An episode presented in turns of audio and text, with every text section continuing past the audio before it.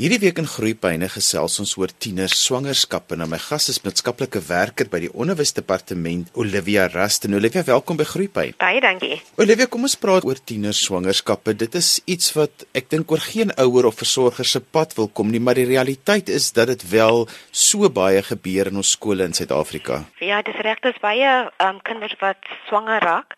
Maar as die skoolmaatskaplike werkers probeer ons om die skole te bemagtig, leerders en die ouers oor die swangerskappebeleid en met voorkomingsprogramme by die skole. Watter insigte is daar wat belangrik is vir skole maar ook vir ouers rondom die probleem van tienerswangerskappe? Ek dink dit is baie belangrik dat die kinders of die dogters net inligting gee en voorkomingsinligting gee en wat hulle opsies is, dat hulle ingeligte besluite maak oor hulle toekoms en hulle gesondheid. Nou is berading vir hierdie meisies nodig wanneer hulle uitvind dat hulle swanger is. Ja, berading is nodig vir hierdie meisies. Ons skoolmaatskaplike werkers doen psigososiale ondersteuning. Ons gee hulle berading, ons verwys hulle na ander instansies, na gemeenskapbronne, byvoorbeeld klinieke, welsynsorganisasies Ons bespreek ook met die familie hoe hulle gaan met die swangerskap en hoe hulle die swangerskap gaan hanteer in verband met aanneming, pleegsorg of gaan hulle self na die kind kyk. En ons gee ook inligting oor swangerskap, oor hulle gesondheid, hoe hulle na hulle self moet kyk. En die ondersteuning wat ons gee is omdat hulle verhoed dat die meisies ehm um, um, nie die skool verlaat nie. Olivia, kom ons maak dit lekker prakties. Ek is 'n ouer en my dogter het sopas vir my gesê ek is swanger mamma of ek is swanger pappa of ouma oupa ek is swanger. Wat dan? Wat gebeur in daardie proses en en watter rol moet so hoe moet 'n ouer dit hanteer? En sit dit so 'n situasie, die kind sê vir haar mamma sy is swanger in verband met die skoolopset. So ehm um, die mamma en die dogter gaan na die skool toe, sy lig die skoolhoof in En obviously as dit 'n leerder met ehm um, spesiale behoeftes. So hulle sal vir verwys na ons kantore toe, die ehm um, skoolmaatskaplike werker kantore toe. Hulle kan die skoolmaatskaplike werker nooi na 'n vergadering waar hulle sal gesels oor hulle die swangerskap gaan hanteer by die skool.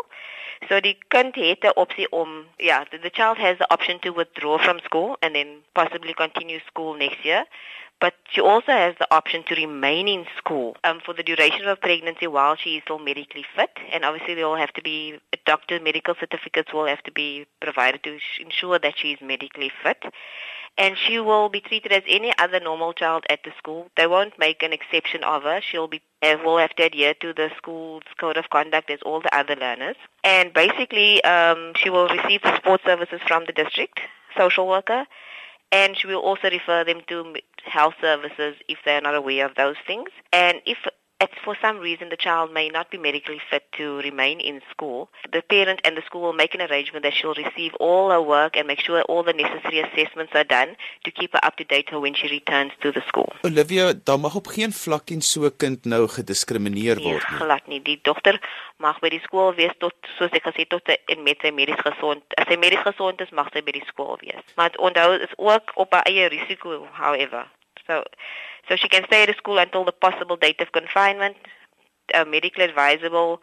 If she needs to be absent, the doctor needs to indicate she is not fit for school. En as 'n mens nou na die skool toe gaan en ouma en oupa of mamma en pappa gaan nou saam om om juist die hele situasie by die skool te gaan verduidelik, is skoolhoofde opgelei om dit te hanteer? Is daar iets wat mamma en pappa moet weet voordat hy kan gaan sodat hierdie situasie nie in 'n baie plofbare situasie ontaard nie, maar dat dit wel iets is wat nou gebeur het en ons moet dit hanteer? Al die skole, ek neem al die skole moet ehm um, ge, ge uh, hoe kan ek sê hulle hulle hulle they have the knowledge on the learner pregnancy policy of the WCED. Every principal should have it and some schools that sometimes use it as a guide, but they can't skew completely off the guide in terms of what the policy says. So the, the school principals are aware of what they should do and what they cannot do. The learner can never not be denied access to the school. She cannot be told you are pregnant, so you're no longer allowed to be at the school. There should be structures put in place in order for that child to continue with schooling as far as possible. En as die ander ouer 'n tienerpa is by dieselfde skool, wat gebeur dan? Okay, ehm um, as die pa uh by dieselfde skool is, ehm um, moet die beheerliggaam ehm um, raad moet ingelig word.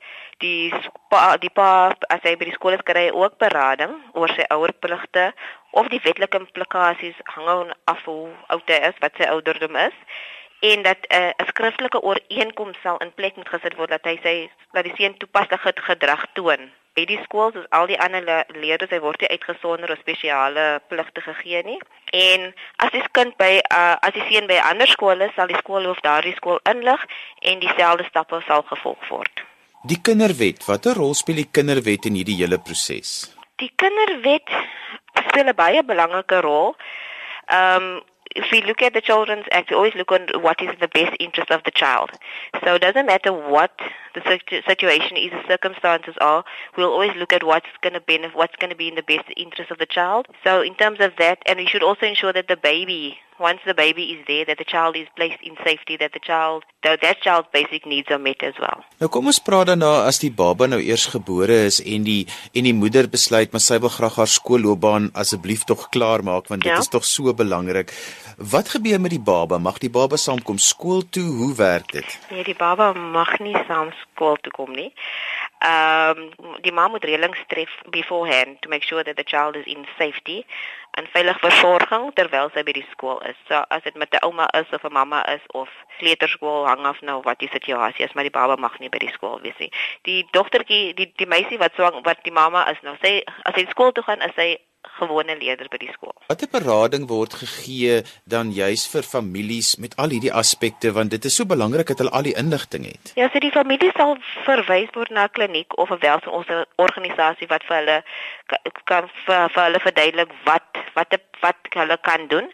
So in 'n situasie waar die mamma nou nie na haar kind kan kyk nie en daar is nie versorging of die ouers is nou nie geskik om na die babie te kyk, dan sal ons hulle verwys na uh to a designated child protection organisation wat die kind wel in 'n uh, pleegsorg sal plaas terwyl die kind die mamma miskien na skool loop en klaarmaak dat die kind in veilige sorging is. Olivia, die ander praktiese ding is byvoorbeeld dat baie van hierdie ma's wat nou nog tieners is, verkies om hulle kinders byvoorbeeld te borsvoed. Hoe werk dit nou want die kind gaan skool, die mamma wil terug gaan skool toe, maar sy sit met 'n baba by die huis. Okay. Die die baba kan ongelukkig nou nie saam skool toe gaan nie. So en ons skool is ook nie ingerig daarvoor nie en ek het nog nooit so 'n versoek gekry nie, maar ek sal aanneem dat die mamma moet voorsorgreëlings reëlings tref.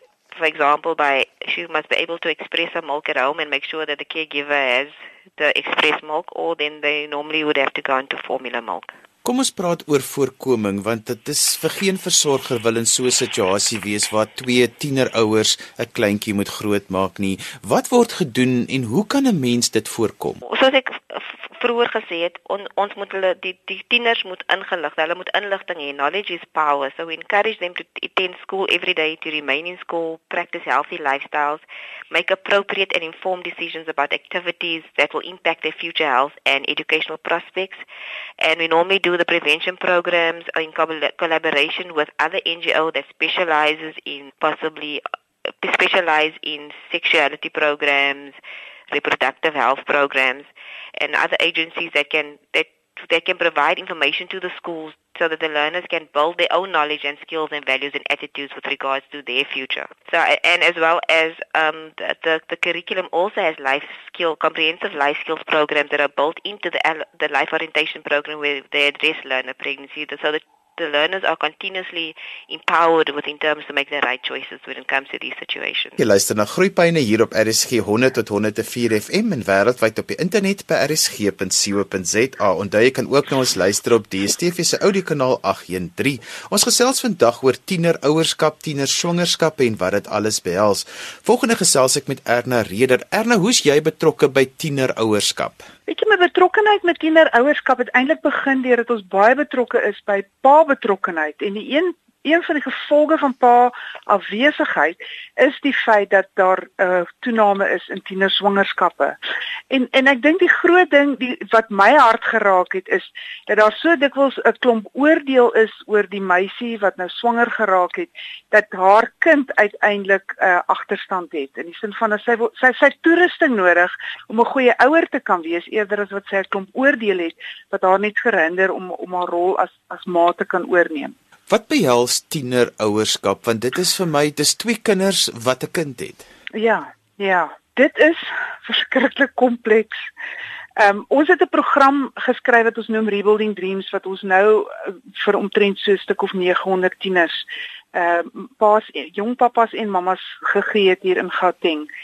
Ehm um, en dit is eenvoudig net 'n komplekse situasie. Hulle self nog tieners, hulle weet nie hoe om 'n kind groot te maak nie. Ehm um, hulle wil nog aangaan met hulle eie lewens. So wat wat, wat die een ding, die eerste ding is dat daar is 'n droom wat verlore gegaan het, wat gebreek is. Uh en ons probeer tieners net laat verstaan, dit beteken nie dis die einde van die wêreld nie. Dit beteken net dat jy moet nou jou gebroke drome in die gesig kyk en kyk wat is die dinge waaraan jy moet aandag gee en wat kan jy daaraan doen en wat moet jy maar net eenvoudig aanvaar en aangaan daarmee. Ehm uh, maar ja, so so dit is die verhouding met hulle eie ouers het dikwels skade gelei. Uh die onkunde oor hoe om 'n kind groot te maak is 'n ding wat ons aanspreek. En die volgende ding is die hulle eie skool ehm um, uh ja, hulle akademiese toerusting moet afgehandel word. Jy weet hulle hulle moet terug gaan skool, hulle moet matriek kry. Ehm um, en ja, en die pa moet die, as die jong pa betrokke is, dan voorkom ons 'n hele klomp probleme in die toekoms met die kindjie wat nou gebore is. So daar's daar's 'n klomp goed. Dis baie dis veel meer as wanneer 'n paartjie eg egpaar geword het, hulle is getroud en dan besluit hulle om kinders te word. Hierdie is 'n is 'n is 'n baie komplekse probleem waarmee hulle te doen kry.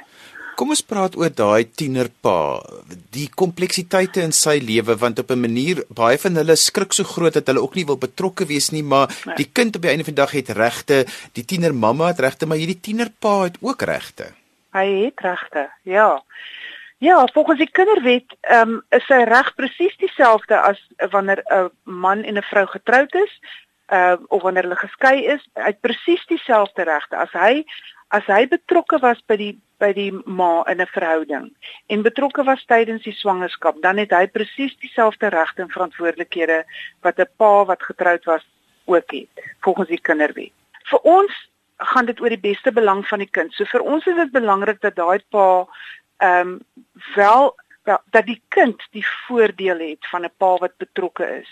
Want met 'n pa wat betrokke is, uh verseker ons dat hy beter doen op skool, dat hy emosioneel meer stabiel is, dat hy dat hy dat hy net 'n beter um 'n toekoms oor die algemeen het, ook 'n finansiële uh, beter situasie uiteindelik as die beide die pappa en die mamma betrokke is in sy lewe.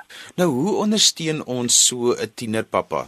Sjoe, weet jy nou nou nou raak ons eintlik aan die hele ding van daar so 'n groot emosionele komponent by tiener swangerskap. Ehm um, meeste van die tyd is die familie kwaad vir die pa wat nou hulle dogter in hierdie moeilikheid gebring het.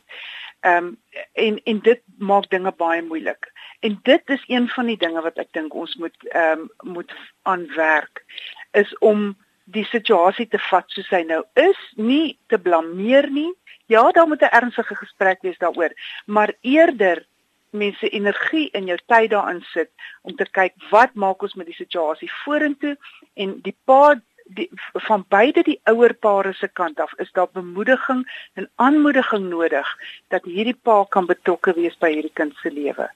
Ehm um, en selfs al is daar nie meer 'n verhouding tussen mamma en pappa nie, die kind het die pa nodig. Ehm um, so die die ondersteuning in die eerste plek is belangrik van die familie, die die direkte die, die ouers van die twee tieners wat nou 'n 'n babatjie kry. Ehm um, dit is die eerste en belangrikste belangrike ding. Ek dink ook van skoolkant af en van die gemeenskap in die breë is daar ondersteuning nodig. Die klinieke byvoorbeeld, eh, dis so belangrik dat hulle ook die pa verwelkom wanneer die ma kom vir haar ondersoeke en haar, haar pad van voorbereiding om om te kraam. Ehm um, en dit word dit gebeur nie altyd nie. Daar is 'n geweldige ervaring van veroordeling en blameering en en ons bereik absoluut niks daardeur nie. So dis 'n gesindheidsverandering in die eerste plek en dan in die tweede plek, hoe kan ons watter ondersteuning het jy nodig, watter hulp het jy nodig? In sekere kulture is daar natuurlik ook die die hulle praat van damages dat daar dat daar skadevergoeding betaal moet word aan die ma se familie ehm um, deur die jong pa en sy ouers dit kan nie altyd gebeur nie want hy is dikwels nog op skool en daar voel ons op eh, beveel ons baie sterk aan dat die dat die familie moet kyk na 'n skikking. Hoe kan hulle afbetaal? Hoe kan die ouers van die van die jong pa betrokke raak en en dan daarmee ook help? Ehm um, wat wat ons moet dink hoe help ons die kind? Nie net oor hoe kan ons nou al ons woede en ons negatiewe gevoelens uithaal op hierdie jong pa en die jong ma dit help niemand nêrens heen nie. As die families van hierdie uh, paartjie nou bymekaar kom, dit is ook 'n plofbare situasie want dit kan hmm. baie maklik ontaard in 'n uh, ons blameer mekaar. Nee, dit is dit is ongelukkig wel die geval. Ehm um, dis baie spanningsvol. Daar's 'n klomp negatiewe gevoelens. Sjoe, en weet jy, die, die familie het waarskynlik ook maar 'n bietjie berading nodig. Ook 'n bietjie leiding en en ondersteuning nodig. Ek voel net altyd dat die familie van die jong ouers moet eerder 'n plek kry waar hulle maar kan sê ek is nou so kwaad vir my kind, maar nie voor die kind nie. Die jong ouer moet beleef hier is mense wat my sal help en my sal ondersteun. Ek weet ek is nie in 'n gunstige situasie nie. Ek was verkeerd, maar ek het eerder ondersteuning nodig ter wille van my kind. Mens kan natuurlik 'n mediator inbring. Daar is ehm um, Social Justice is 'n organisasie wat mediators aanstel. Uh gesinsadvokate stel mediators gratis aan uh om situasies soos hierdie uh op 'n op die mees vredesame moontlike manier te kan skik uh in sekere kulture is daar is daar um ouer kulturele leiers of daar is familie fa families wat 'n ouer persoon aanstel wat wat hierdie tipe van skikkings bewerk. Um maar so so dit dit kan dit kan baie help. Hoe, hoe meer vredevol dit gedoen word, hoe beter. Iets wat vir my altyd so belangrik is is dat ouers ek dink dadelik dit dit is hulle skuld. Hulle het nie hulle kind so groot gemaak nie. Nou word hulle met 'n situasie soos hierdie gekonfronteer. Um hoe werk 'n mens met die skuldgevoel wat op eintlik 'n groot um tema is in hierdie hele situasie? Ja, almal almal voel maar bietjie skuldig. Ek dink die die die een groot ding is ja, dit kan wees dat ouers skuld gehad het, maar geen ouer is perfek nie. Jy weet so ehm um, ja, ons met daai ding moet moet 'n mens maar gaan sit en werk en jy weet ek dink ons ons geestelike leiers kan ons help om om dit ook uit te sorteer. Jy weet as mense aan 'n kerk behoort of aan een of ander geloofsgemeenskap, ehm um, kan dit geweldig baie help om die die skuldgevoelens wat die die ouers dan het ehm um, te kan verwerk. Ehm um, en 'n mens moet besef maar jy weet ja ek het waarskynlik ook deel daaraan, maar weer eens om 'n sak en as te gaan sit omdat ek 'n sekere aandeel gehad het in 'n situasie wat ons nou het. Help nie die situasie nie. En dis die situasie waarmee ons nou moet werk.